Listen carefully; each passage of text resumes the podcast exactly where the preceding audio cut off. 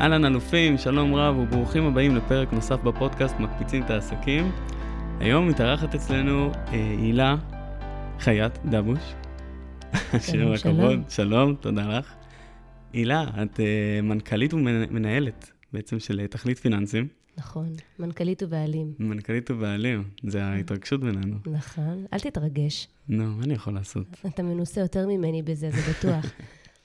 אז אנחנו באים לדבר היום על uh, כסף, על משכנתאות, על הלוואות, על אשראי, אבל לפני רגע שאנחנו נצלול לתוך הפרק ונדבר על כל התחום הזה, הייתי שמח לשמוע ממך איך בכלל הגעת uh, להתעסק בזה. וואו, שאלה מצוינת. Uh, קודם כל, אני בתחום המשכנתאות וגיוס האשראי כבר מעל 12 שנים. תמיד עניין אותי איך עושים כסף, איך עושים כסף בצורה נכונה, בצורה... כשהייתי צעירה יותר גם רציתי בצורה מהירה מאוד. אתה יודע, לימים התפכחתי והבנתי שכסף מהיר זה דבר שהוא... אה, מה שנקרא, אתה יודע... זה שיעורים כאלו שאנחנו חווים אותם. אפילו אין לי מילים, כן, אתה אין... אפילו מילים לתאר את זה אין לי. אבל כן, צריך לעבוד וצריך לתת ערך אה, בעולם. אה, כדי גם להשתכר בצורה מכובדת. ככל שאתה מעלה את הערך, באופן טבעי אתה מעלה גם את ההכנסה. אה, אז תמיד עניין אותי כסף מצד אחד. מצד שני, חקרתי במשך שנים איך זה שאנשים אה, עובדים בצורה מאוד אה, אה, אינטנסיבית, קמים כל בוקר לעבודה או לעסק, ובסופו של יום נשארים, אתה יודע, עם שורת מינוס בחשבון הבנק.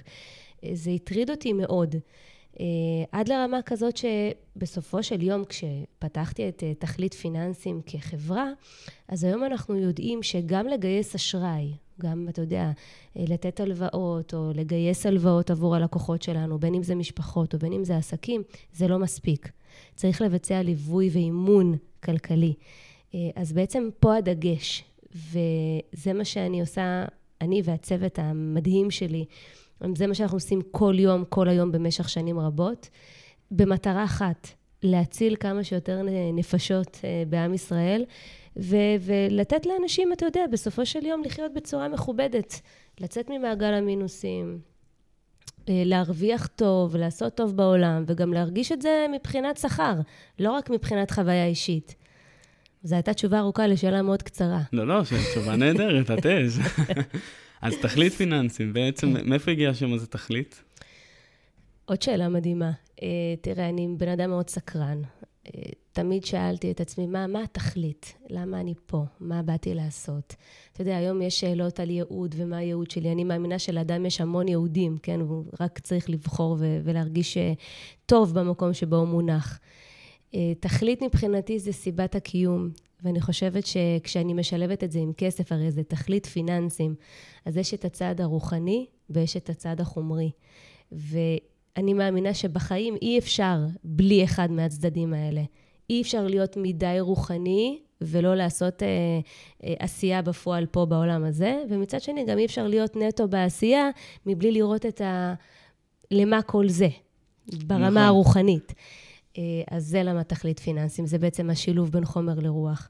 יפה, ואני זוכר אותך, את יודעת, את, אה, אנחנו מכירים עוד מעולם של ה Theta Healing, זה בכלל העולם של הרוחני. נכון, נכון. ואיפשהו באמת היום התכלית שלך, שאת מבינה מה את עושה, וזה מרגש גם לראות את זה, ואת העוצמה שאת מביאה, ולאן גם את מתפתחת עם זה. אה, אז כן, זה נושא מדהים, עניין הכסף. נכון. אז רגע, אז למי שמאזין ולא לא הבין מה אמרת ב Theta Healing, אז כן, אני uh, מטפלת בהכשרה שלי וגם מורה בהכשרתי לתטא הילינג. תטא הילינג זו שיטה רוחנית, שבעצם uh, יודעת לתכנת את התודעה uh, לכל דבר שבעצם אנחנו רוצים להשיג. נכון, זאת הייתה תקופה שעשיתי המון מה, מהעולם הרוחני. עכשיו, כל מה שאני מלמדת היום זה משהו שחוויתי על בשרי. זאת אומרת, אני לא, אתה יודע, כל הציטוטים וכל הדברים של גדולי עולם זה מדהים, אבל זה צריך לצאת מהכלי הנכון. אדם שמלמד שיטה או נותן פרקטיקה שלו, צריך לעבור את mm-hmm. הדבר הזה. ואני עברתי, הייתי בחיי בצד המאוד מאוד מאוד רוחני, והייתי בחיי, בגיל יותר צעיר, בצד המאוד מאוד מאוד חומרי. אה, והיום זכיתי לשלב את שני, שני הדברים. ואני יכולה לומר לך שכשמגיעים אליי אה, משפחות ועסקים לייעוץ שמגיעים אלינו לחברה, אז יש את המבט הפרקטי, הכלכלי, ויש את המבט הרוחני. הרבה פעמים אני יכולה לשאול בן אדם שאלה של איך יתנהלו עם כסף בבית. אז בשניות הראשונות, אתה יודע, יש כזה, רגע, אני במקום הנכון, מה שייך? אבל זה שייך. כי אם אנחנו לא נעבוד על התודעה, אנחנו נגיע לאותן תוצאות.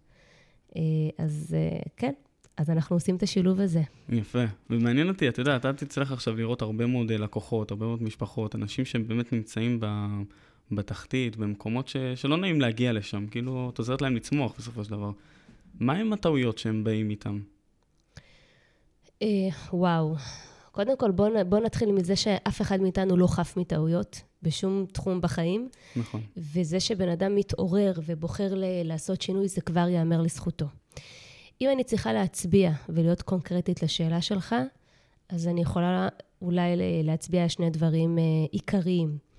הטעות הראשונה זה שהם מחכים יותר מדי זמן עד שהם מגיעים. Mm. Okay, אוקיי? כשאנחנו רוצים לעשות איחוד הלוואות, או שאנחנו רוצים אה, לגייס אשראי, תמיד טוב לבוא, לא כשאתה בקאנטים, מה שנקרא, אוקיי? Okay? בדירוג נכון. האשראי יש לנו מנעד מ-BDI שלילי ל-BDI חיובי, אדום ירוק, בסדר? בשפה, בשפת העם.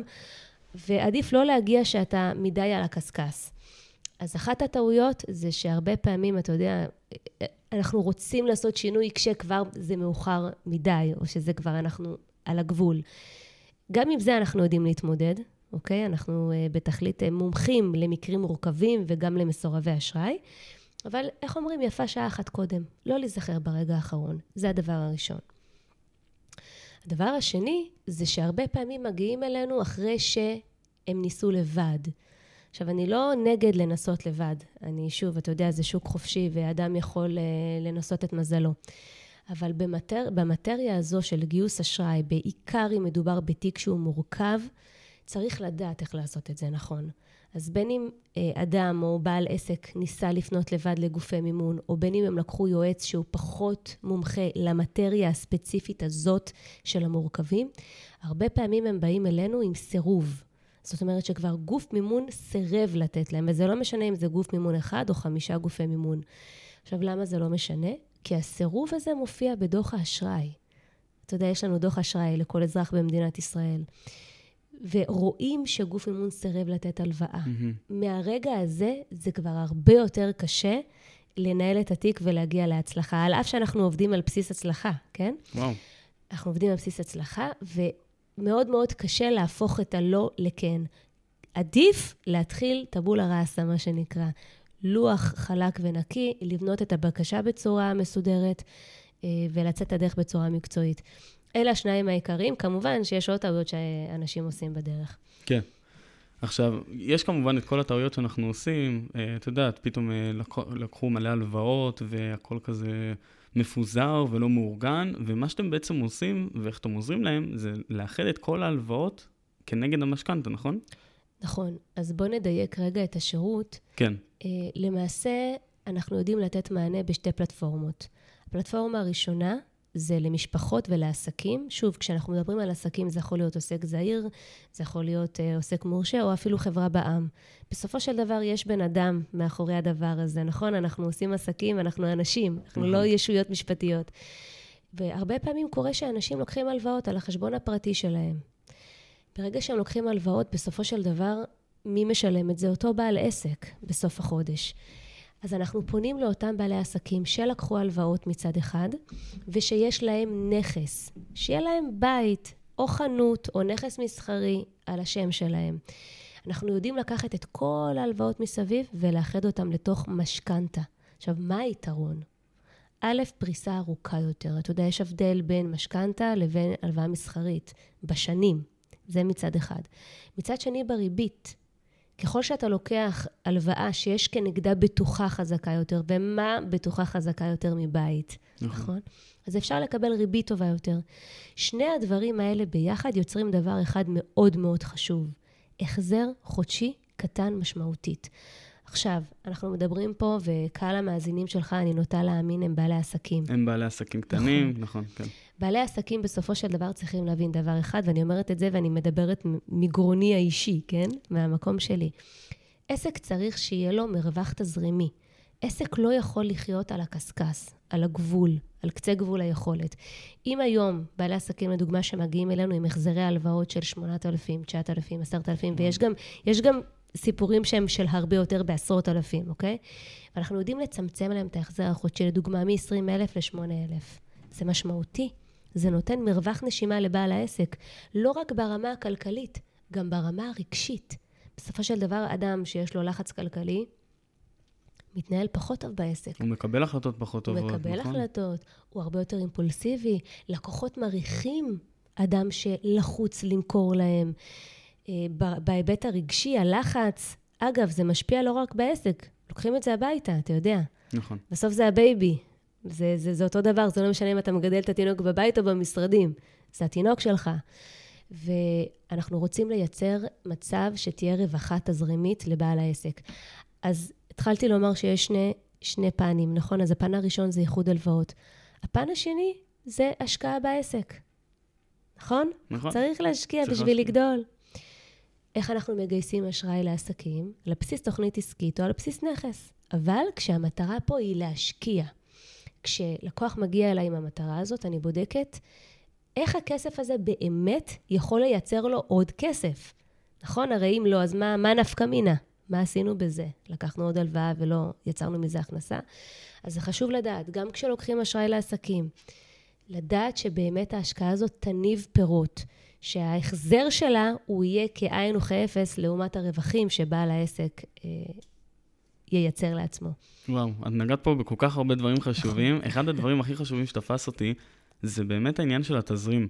כי כשיש הלוואות, כמו שאמרת, שבאים אלייך אנשים עם הלוואות של 20 אלף שקלים, יכול להיות שמישהו מאזין ואומר, בואנה רגע, אני מחזיר עכשיו, לא יודע, 5,000, 10,000, 20 אלף, ואין לי תזרים, אני כל הזמן בלחץ, אני כל הזמן במצב הישרדות, אני מקבל החלטות לא נכונות, אני פועל לא נכון.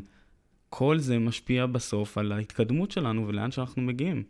נכון, אני אגיד לך יתרה מכך. כשאין, כשהתזרים הוא לא בריא ויש אה, מאזן שלילי, בעצם כל חודש בעל העסק צריך להביא עכשיו כסף מהבית, מה הוא בעצם עושה? מנצל את האשראי שלו, בין אם זה בחשבון העסקי או בין אם זה בחשבון הפרטי. מגיעים למסגרת האשראי, מפחדים לעבור את המסגרת, ואז מה עושים? פונים לבנק, לוקחים הלוואה, נכון? נכון. לוקחים הלוואה, אותה הלוואה היא נושאת החזר חודשי.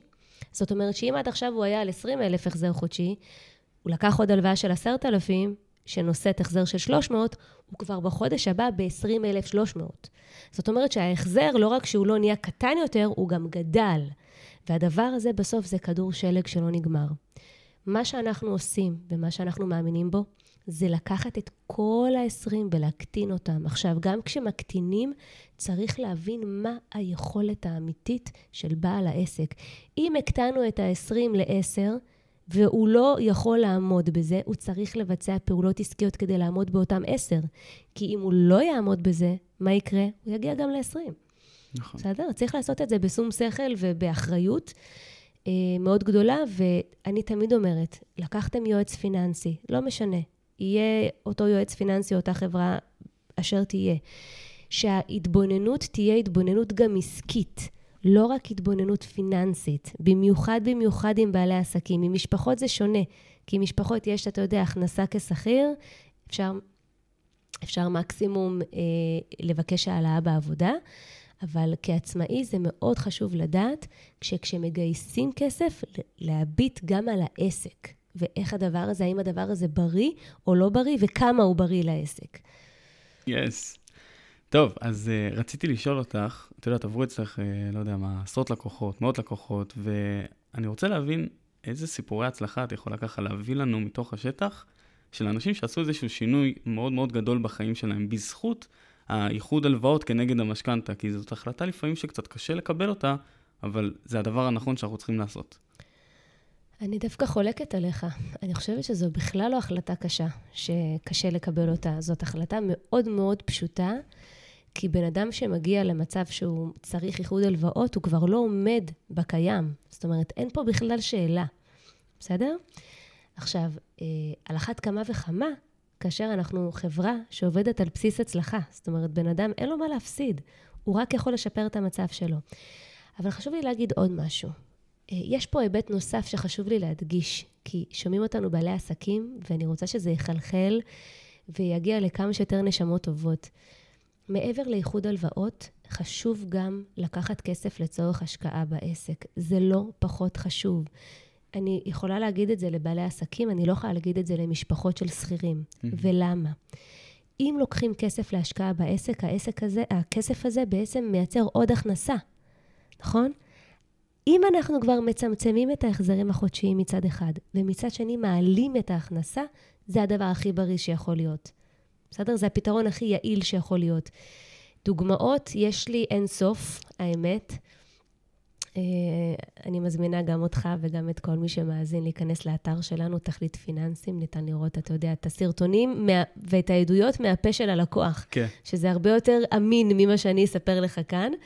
אה, אבל בגדול יש לי המון דוגמאות. אה, היה לי בעל עסק שיזם, יזם נדל"ן, שהיו לו מעל 30 אלף שקל החזרים חודשיים. וואו. והצלחנו להביא אותו ל-6,200. עכשיו, זה באמת מקרה קיצון, כי באמת ההלוואות שהיו לו לא רק היו יקרות, הן גם היו הלוואות אה, כנגד נכסים שהוא השקיע בהם. וכשיצרנו את כל האיחוד הזה, הוא מספר שלא רק שזה גרם לו לשקט נפשי בבית ומול הילדים, זה גם נתן לו מעוף עסקי לקום בבוקר ולדעת שעכשיו הוא לא צריך להחזיר 30, זה היה 32 בערך, הוא לא צריך להחזיר 32 אלף שקל כל חודש, מספיק את ה-6200 והוא חי בטוב. אז הדבר הזה גרם לו, מה שנקרא, ל- ל- לשחרור הפן היצירתי, שהיה נעול ברגע שיש לנו לחץ כלכלי. זו דוגמה אחת שהיא קיצונית, בסדר? אה, יש לנו עכשיו, ממש בימים אלו, תיק של חברה בע"מ. אני מנועה מלהזכיר שמות, שוב, מפני אה, בוודאי. הגנת הפרט והחסיון המקצועי שלנו. אה, זוג שכרגע מחזיר מעל 40 אלף שקל הלוואות. לקחנו, חברה בע"מ אמרתי, אנחנו, וגם יש עוסק מורשה לבעל. לקחנו ככה את כל ההלוואות, גם של העסק. העסק היה עם המון הלוואות של רכבים. זה mm. בטח מוכר. מי שפה מאזין והוא חברה בע"מ, הוא מכיר את, את הדבר הזה. אה, המון הלוואות, אה, גם של רכבים, גם הלוואות שהם לקחו אה, בזמנו כדי להתגלגל, מע"מ לא שילמו בזמן, ביטוח לאומי, מס הכנסה, הכל הצטבר. איחדנו את הכל להלוואה אחת, הם הולכים להחזיר כמעט 13,000 ממעל 40. מטורף. זה המון המון המון שורות באקסל, אם, אם אתה רואה את זה, זה בהתחלה מבלבל, אבל בסופו של יום, מה שאנחנו רוצים להגיע איתו זה לרווחה כלכלית, לשקט נפשי, שבסופו של דבר הבן אדם יוכל לקיים את העסק שלו. וגם לתת את השירות הטוב, אתה יודע, לקהל הלקוחות, שזה חשוב לא פחות. יפה, ואני רוצה רגע לקחת אפילו שלב אחד אחורה. כן. הרי יש איזה שהם הרגלים, איזושהי אה, צורת חשיבה, דרך התנהגות כזאת, שקורית כשאנחנו מגיעים למצב הזה. נכון. אז הייתי רוצה רגע לשמוע ממך, אולי מה היית, איזה טיפים יש לך כדי לא להגיע למצב הזה או כדי לעצור? אוקיי. אז uh, זוכרת את השאלה ששאלת אותי בתחילת נכון. הריאיון, איזה, איזה טעויות אנשים עושים? אז אם uh, נדבר ככה על בעלי עסקים, אחת הטעויות המרכזיות זה שבעל עסק לא מנהל חשבון נפרד לעסק, אוקיי? זה, הרי מה קורה? בן אדם מתחיל כעוסק זעיר, פטור לצורך העניין, לאט לאט גדל, תודה לשם, כן? Mm-hmm. הופך להיות עוסק מורשה, אבל ההרגלים לא משתנים. ואז מה קורה? העסק הוא ישות בפני עצמה, וצריך לדעת את זה. כל ההכנסות של העסק וכל ההוצאות של העסק צריכות לצאת מחשבון אחד, אוקיי? יש שיטה שאפילו מחלקת את זה לכמה אה, חשבונות. נכון. לא נדבר על זה, אה, חבר טוב שלי, שבעצם אה, מלמד את השיטה הזאת בארץ, אבל המינימום של המינימום זה חשבון אחד לעסק. הכנסות והוצאות של עסק. עד כאן ברור, נכון? מאוד פשוט. מצד שני, צריך להיות חשבון פרטי, חשבון של בית, ועדיף, בחוויה שלי, אני 12 שנה רואה אנשים שמגיעים אליי לפגישות על הדברים האלה, עדיף שזה יהיה חשבון אחד. בית לא צריך לנהל כמה חשבונות, בסדר? חשבון אחד של בית, חשבון אחד של עסק. הבית, יש לו הכנסות, נכון? נניח עכשיו יש לנו בעל עסק שהוא עצמאי ואשתו שכירה, מורה, לצורך העניין. אז המשכורת שלה נכנסת לחשבון הבית, והמשכורת של הגבר צריכה גם היא להיכנס לחשבון של הבית. בסדר? אחת לחודש. הקשר בין החשבונות האלה הוא בודד. אחת לחודש, אותו בעל עסק צריך לעשות העברה על סכום קבוע ובתאריך קבוע מהחשבון העסקי לחשבון הפרטי, כמו משכורת, לכל דבר ועניין, גם אם הוא לא מוציא לעצמו תלושים, בסדר? זה חייב להתבצע בצורה כזאת. עסק יש לו את ההוצאות וההכנסות, בית יש לו את ההוצאות וההכנסות, ולא מערבבים. עכשיו, הרבה פעמים אנשים אומרים, רגע, אבל זה הוצאות שאני מראה לרואה חשבון, אני מזדכה עליהן. אין עם זה בעיה. ברמת הלקחת את החשבונית מס או את הקבלה ולהציג לרואי החשבון, אין בעיה. תראו את החשבונית הביתית כהוצאה עסקית, הכל בסדר. אבל בהתנהלות, בפרקטיקה, בניהול של זה, זה צריך להתבצע דרך חשבון נפרד. אוקיי? עכשיו, הרבה פעמים אנשים מנהלים את העסק ואת הבית ביחד. או שיש חשבון אחד, ואז אין דין ואין דיין. נכנס עכשיו נגיד 30 אלף שקל מעסקה, אני ואתה יודעים ש-30 אלף שקל זה לא באמת 30 אלף שקל, זה נכון. נשאר הרבה פחות בשורת הרווח, כן? אבל בן אדם רואה בעיניים 30. הוא לא רואה את המע"מ שהוא צריך להוריד, הוא לא רואה מס הכנסה, ביטוח לאומי. ואז ההתנהלות היא כאילו יש לו עכשיו 30 אלף שקל בחשבון, וזה לא נכון. בסדר? זו טעות ראשונה. טעות שנייה זה שכן יש שתי חשבונות נפרדים, אבל בעל העסק לא מעביר סכום קבוע בתאריך קבוע, אלא הוא עובד על בסיס כיבוי שרפות. כמה אני צריך עכשיו בשביל לא לחרוג מהמינוס? אוקיי, החודש זה 17,000, אז אני אעביר 17,000. חודש, עוד שבועיים זה עוד 4,000, כי צריך עכשיו... לא עובדים ככה. צריך לעבוד בצורה מסודרת. בסדר? בן אדם צריך להכיר את המספרים שלו. אני יודעת שזה מרתיע. זה מרתיע המון אנשים לשבת לעשות את האקסל, מה שנקרא להביט לאמת בלבן של העיניים. אבל מרגע שעושים את זה, זאת הדרך להצלחה. זה, זה האני מאמין שלי. זה מה שאנחנו עושים לכוחות שלנו, וברוך השם, אנחנו רואים תוצאות uh, מדהימות. כן.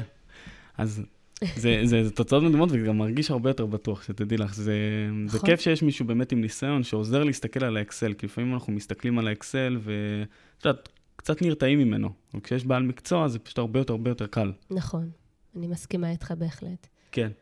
אני יודע שכל מקרה לגופו כמובן, אבל בעניין המשכנתה, כשאנחנו עושים איזשהו איחוד הלוואות אה, כנגד המשכנתה, מה בערך הריביות, או שזה ממש אה, אי אפשר להיכנס לזה, כאילו... תראה, זה מאוד משתנה. כן. אני יכולה להגיד לך כמה דברים. אנחנו יודעים לעבוד גם עם בנקים וגם עם גופי מימון, כל מיני קרנות וחברות שיש להם רישיון לתת אשראי. היום בנקים הם לא השחקנים היחידים בשוק. יש תחרות, והתחרות הזאת טובה לנו. זה דבר אחד. אז המנעד של הריביות הוא משתנה. עכשיו, יש הבדל בין ריבית של משכנתה לדיור לבין ריבית של משכנתה לכל מטרה. Mm-hmm. דיור זה כשאני באה לקנות בית, אני באה לרכוש נכס, אני מקבלת תנאים של דיור. היום ריביות יכול, יכולות לנוע בין 3 ל-5 אחוז, לפעמים גם קצת יותר, תלוי באיזה מסלולים, בסדר? ריביות כל מטרה הן יקרות יותר, מתוקף הרעיון שזה לא לרכישת נכס. נכון. מה זה אומר? עכשיו יש לי בית, אני רוצה לחלץ ממנו עוד 300-400 אלף שקל לצורך העניין לטובת איחוד הלוואות ו/או השקעה בעסק, זה כסף שהוא יקר יותר. אבל, ויש פה אבל מאוד מאוד מאוד חשוב, עדיין, אם זה שריבית של אה, כל מטרה מתוך המשכנתה היא יקרה יותר מדיור, היא זולה יותר משמעותית מכל הלוואה אחרת שבעל עסק או שמשפחה לוקחת. למה? כי יש כנגדה נכס. דיברנו על זה, נכון? כן.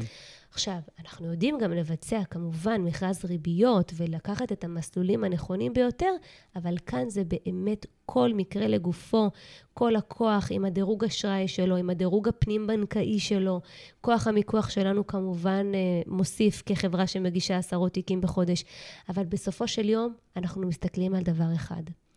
מה ההלוואה הזאת הולכת לייצר ללקוח? איזה החזר חודשי היא הולכת לייצר לו, איזה רווח כתוצאה מהשקעה בעסק היא הולכת לייצר לו. כשמקבלים החלטה צריך להסתכל 360 על כל הכיוונים. ואז, אתה יודע, לצאת לדרך. ואז מקבלים באמת את ההחלטה הנכונה. נכון. אוקיי, אז אה, קודם כל, אה, מי שמאזין לנו עכשיו אה, מבין שהוא נמצא באיזשהו פלונטר ושהוא צריך לעשות משהו. איך הוא יכול להשיג אותך, או איך הוא יודע בעצם, כמו שאמרנו, אם הוא מתאים. אם הוא מתאים. אוקיי, אז uh, קודם כל מספר הטלפון שלנו הוא כוכבית 2105, uh, אה, כוכבית 2105. אנחנו נקבל את הפניות בשמחה ובאהבה. עוברים קודם כל שלב ראשוני של בכלל אה, בדיקת התכנות. מגיעים לנציגים שלנו, נשאלים כמה שאלות בסיסיות, בהנחה ועוברים את בדיקת ההיתכנות, מזמנים אותם לפגישה. הפגישה היא ללא עלות וללא התחייבות. בפגישה, בהנחה ואנחנו רואים שאפשר לייצר אסטרטגיה מיטבית עבור אותו בעל או בעלת עסק, אנחנו מציעים את הצעת המחיר שלנו שהיא משתנה על פי מורכבות התיק, אבל אנחנו, כמו שאמרתי, עובדים על בסיס הצלחה בלבד. זאת אומרת, שאנחנו פוגשים בכסף כשהלקוח שלנו פוגש בכסף. כסף בחשבון, מתוך אותו כסף שגייסנו, אנחנו בעצם נפרעים בשכר הטרחה שלנו. כמובן שאנחנו גם מוצאים חשבונית לבעל עסק, החשבונית היא מוכרת כהוצאה מוכרת בעסק, אה, בין אם זה למע"מ, בין אם זה להכנס, להוצאה השנתית אה, של מס הכנסה, אה, אבל בגדול, כוכבית 2105 זה המקום. אגב, חשוב לי לומר, אנחנו יושבים באשדוד ועובדים בפריסה ארצית. אנחנו לא מקבלים לקוחות שרוצים לסגור בטלפון, אנחנו רוצים לראות עין בעין עם מי אנחנו עובדים, מי האנשים שלנו, רוצים שיכירו גם אותנו, אז הפגישה היא פגישה אחת אה, בודדה, אוקיי? הפעם השנייה שאנחנו נפגשים עם הלקוח, אז זה כבר בחתימות. אנחנו מלווים את הלקוחות שלנו לחתימות בגופי המימון. אה, אז אה, תשקיעו, גם אם אתם גרים טיפה רחוק, מדינת ישראל היא מדינה קטנה, זה שווה. יש לנו לקוחות, אני יכולה להגיד לך, מבית שאן, מחיפה, מאילת. אה, מגיעים פעם אחת ועושים שינוי באמת באמת משמעותי. איזה יופי, איזה יופי. אז קודם כל, מי שהולך ככה, אה, אז תספרו לנו גם על סיפור ההצלחה, איך אה, גם היה לכם איזשהו פלונטר והאזנתם לפרק, ופתאום אתם נמצאים במקום אחר בזכות הילה. ושאלה כזה לסיום. זה לא רק בזכותי, בוא, יש לי לא, צוות שלם, יש, יש עוד מישהו שמתכנן לנו את העניינים, אתה יודע, אנחנו לא לבד פה, אנחנו נכון. עושים את ההשתדלות. נכון. אבל בסופו של דבר צריך הרבה סייעתא דשמיא בדברים האלה. כל הכבוד לך. שאלה לסיום, כן. אנחנו, איפה אנחנו נראה את אה, אותך ואת תכלית פיננסים בעוד שבע שנים?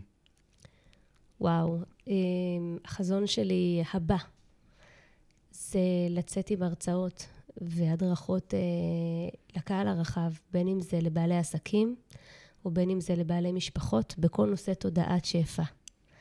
תודעת שפע זה משהו שאתה יודע, הוא כבר הפך להיות, תודה לאל, כן? מונח שגור בציבור הישראלי, אבל צריך לקחת את זה לפרקטיקה. זה לא נכון לדבר גבוהה, צריך להוריד את זה לעשייה. כי אני מאמינה שעם ידע נכון ועם תודעה נכונה, צריך לכבט את החוטים במוח, בסינפסות במוח. אפשר להגיע להכל. אז uh, אני מצפה שזה יקרה עוד הרבה לפני שבע שנים, כן? אני עושה את כל מה שצריך כדי שזה יקרה לפני, אבל בסוף, אתה יודע, אנחנו מתכננים תוכניות ולא מחליטים.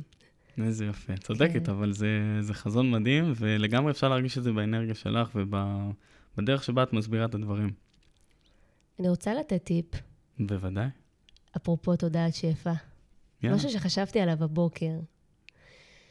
אמ, אם אנחנו רוצים כבעלי עסקים להרוויח כסף טוב, וטוב זה להגדרה האישית שלנו, כל אחד יש לו את הטוב שלו, כן? אנחנו צריכים גם לדעת לשלם באהבה. אחד הדברים שאני נתקלת בהם הרבה פעמים, זה שבעלי עסקים רוצים לדחות תשלומים לבעלי מקצוע שלהם. אני לא מדברת עליי כמובן, כי אנחנו עובדים בשיטה שונה, אבל רוצים לדוגמה את השוטף פלוס פלוס פלוס פלוס. פלוס קח אותי. נכון.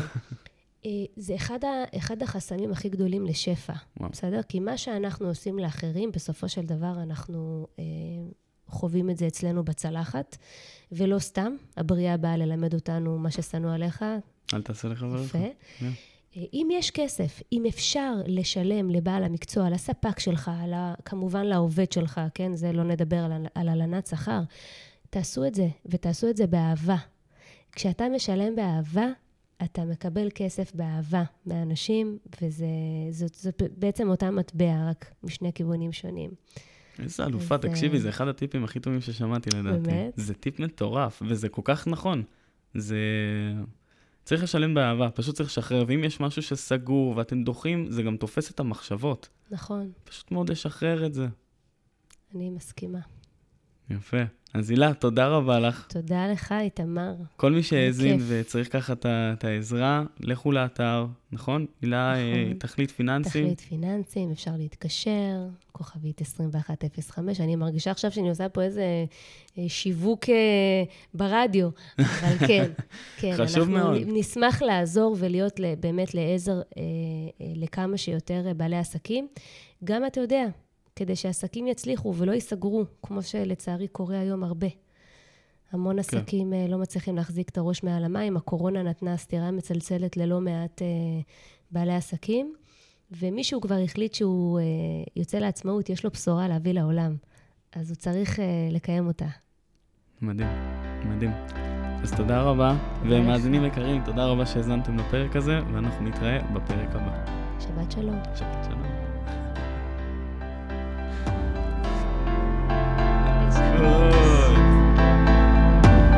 Quand. Oh, c'est que c'est.